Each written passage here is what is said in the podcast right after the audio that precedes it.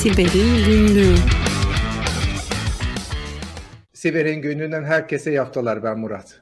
Ben Tuğba merhaba. Tuğba önümüzdeki hafta daha detaylı konuşuruz. IDC iyi geçmiştir umarım ama bugünkü haberini öncelikle merak ediyorum. E, oyunculara kötü haberimiz var bu hafta maalesef. Pek çok oyun platformu eş zamanlı olarak hacklendi. Bunun sebebini bilmiyorum neden böyle bir odağa alındı oyun platformları ama sevgili Murat 2K yani 2K isminde bir oyun platformu var. Burada da işin ilginç tarafı yardım masası yani doğrudan aslında müşterilere, oyunculara hizmet veren yardım masası platformunun hacklendiği, onun da bir third party olduğu ve bu üçüncü parti yardım masası uygulaması üzerinden bir hack durumu söz konusuymuş. Bunun detayını öğrendik. Buradaki bütün kullanıcılara geçmiş olsun diyoruz ama bu kullanıcılara bu platform üzerinden yani oyun platformu üzerinden gelen asılsız e-postalar var. Esas kritik yer burası ve zararlı bir yazılımı yaymak için bu cihazları bunlar telefonda, tablette, bilgisayarda oynanıyor olabilir veya başka bir zararlı. Buradaki linkleri kullanıyorlar. Yani size yönelik işte talebinize yönelik işte çözüm geliştirdik lütfen şu linki tıklayın şeklinde bir takım bildirimler geliyor kullanıcılara. Aman dikkat diyelim artık her gelen mailde işte bu sanki support adresinden geliyormuş, destek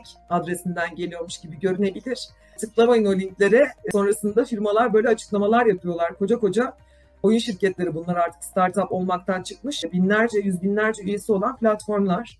Aman dikkat diyelim buradan. Ne diyeceksin? Evet, oyun aslında güvenlikle çok iç içe yaşayan bir bilişim dalı. Senin de çok iyi bildiğin gibi Tuğba. Hani geçmişte sosyal medyanın özellikle işte CIA gibi, FBI gibi, MI5 gibi İngiliz, Amerikalı, Rus, Avustralyalı istihbarat ajansları tarafından çok dinleniyor olması sebebiyle oyun üzerindeki chat ve konuşmalar üzerinden hacker gruplarının ve e, terörist grupların birbirleriyle iletişim kurduğunu da görmüştük. Oyun aynı zamanda internetten indirme, kurma ve sonrasında uzun süre oynanma içgüdüsü olan bir yazılım türü olduğu için bunun içine herhangi bir saldırgan gizlemek, ileride DDoS saldırısı yapmak üzere bir takım parçalar gizlemek, senin de söylediğin gibi kötü niyetleri yazılımları yaymak üzere kullanmakta aslında çok sık karşılaştığımız bir metot. Burada ilginç olan anlaşılan yavaştan burada da bir tedarik zinciri durumu söz konusu.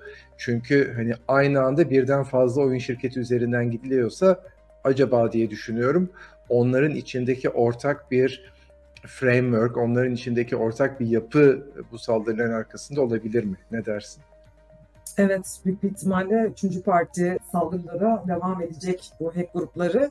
Yani burada hedef odağında bu kadar fazla kullanıcı olması ve kullanıcı da profili açıkçası beni düşündürüyor. Çünkü biliyorsun şu anda ransom gibi bir gelir kapısı varken neden tekrar bu tarafa yöneldi bu gruplar? Bu da ilginç. Bakalım önümüzdeki günler neler gösterecek.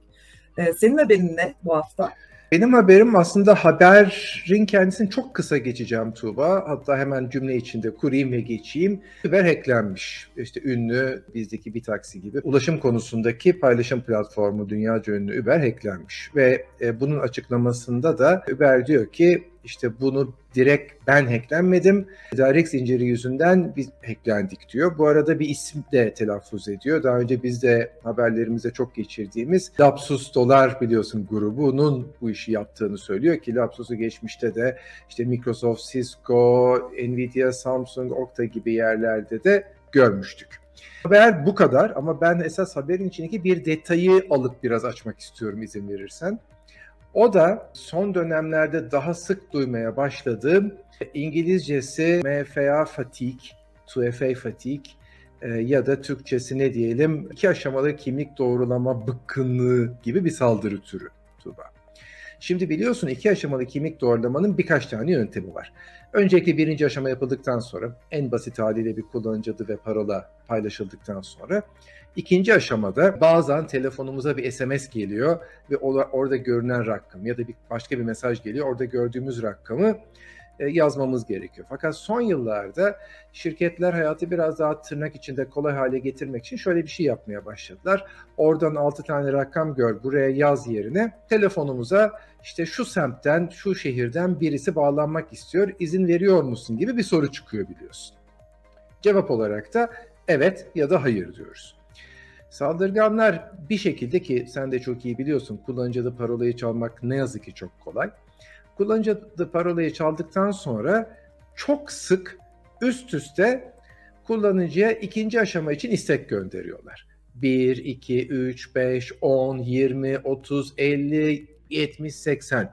Kullanıcı bir süre sonra bakıyor diyor ki ya diyor ben iş yapamaz oldum telefonda sürekli böyle bir şey geliyor. E bu da ben değilim hayır hayır hayır herhalde sistemde bir problem var ben şuna bir evet diyeyim de bu kaybolsun artık diyor ve evet'e bası veriyor.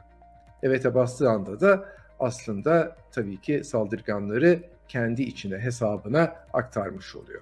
Ki bu geçmişte de e, yine gördüğümüz Twitter'ın, Robinhood'un, Mailchimp'in, Okta'nın saldırılarında ve hacklenmelerinde de kullanılan bir yöntem olarak karşımıza çıkıyor. Buna karşı ne yapılabilir? E, sözü yorumu sana bırakmadan onu da söyleyeyim. En basit yöntem aslında bir geriye dönmek. Yani kullanıcıya bir mesaj içinde bir kısa bir rakam çıkartıp o rakamı ekrandan girmesini sağlamak. Çünkü evet hayır demekle saldırganı içeri almak mümkün ama saldırgana telefon açıp bana gelen sayı 1, 2, 3, 4, 5 şunu gir de rahatlayayım artık demek diye bir şey yok tabii. O yüzden de bu yöntemin biraz bırakılması gerektiğini görmeye başladık Tuğba. Evet Murat, geçenlerde başka başka yöntemler denendiğini ben de fark ettim. Hazır var olduğunu bildiğimiz platformlarda. İşte telefonunda mesela YouTube uygulamasını aç, telefonunda XYZ uygulamasını aç, oradaki doğrulama kodunu yani başka bir third party ile aslında konuşturuyor seni ve oradaki doğrulama kodunu artık istiyor.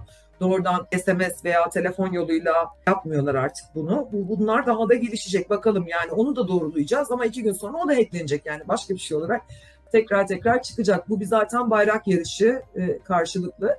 Bu arada dinleyenler, izleyenler için bir kısa hatırlatma yapalım. Bir ara Lapsus'un biliyorsun dağıtıldığı, dağıldığı konuşuluyordu. Nisan ayında ve Temmuz ayında yine geçtiğimiz Temmuz ayında yapılan tutuklamalar vardı. 16 yaşında bir çocuk vardı hatta Amerika'da, Oxford'da işte milyon dolarlık bir e, gelir elde ettiği söyleniyordu. Yargılandı ama çocuk mahkemesinde yargılandı ve işte ailesi biz artık bunun bilgisayar erişimine kontrol altına olacağız, bilgisayara eriştirmeyeceğiz, söz veriyoruz gibi takım açıklamalarda bulunmuştu.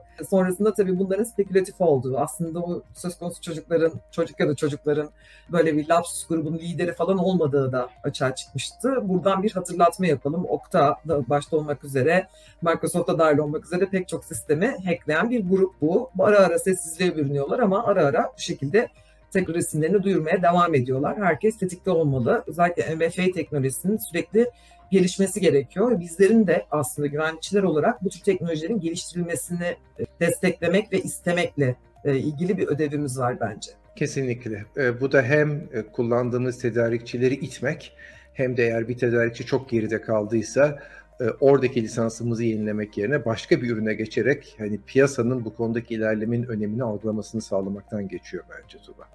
Kesinlikle katılıyorum. Peki bu hafta bu kadar diyelim mi? Diyelim. Herkese sağlıklı, keyifli haftalar. Hoşçakalın. Hoşçakalın.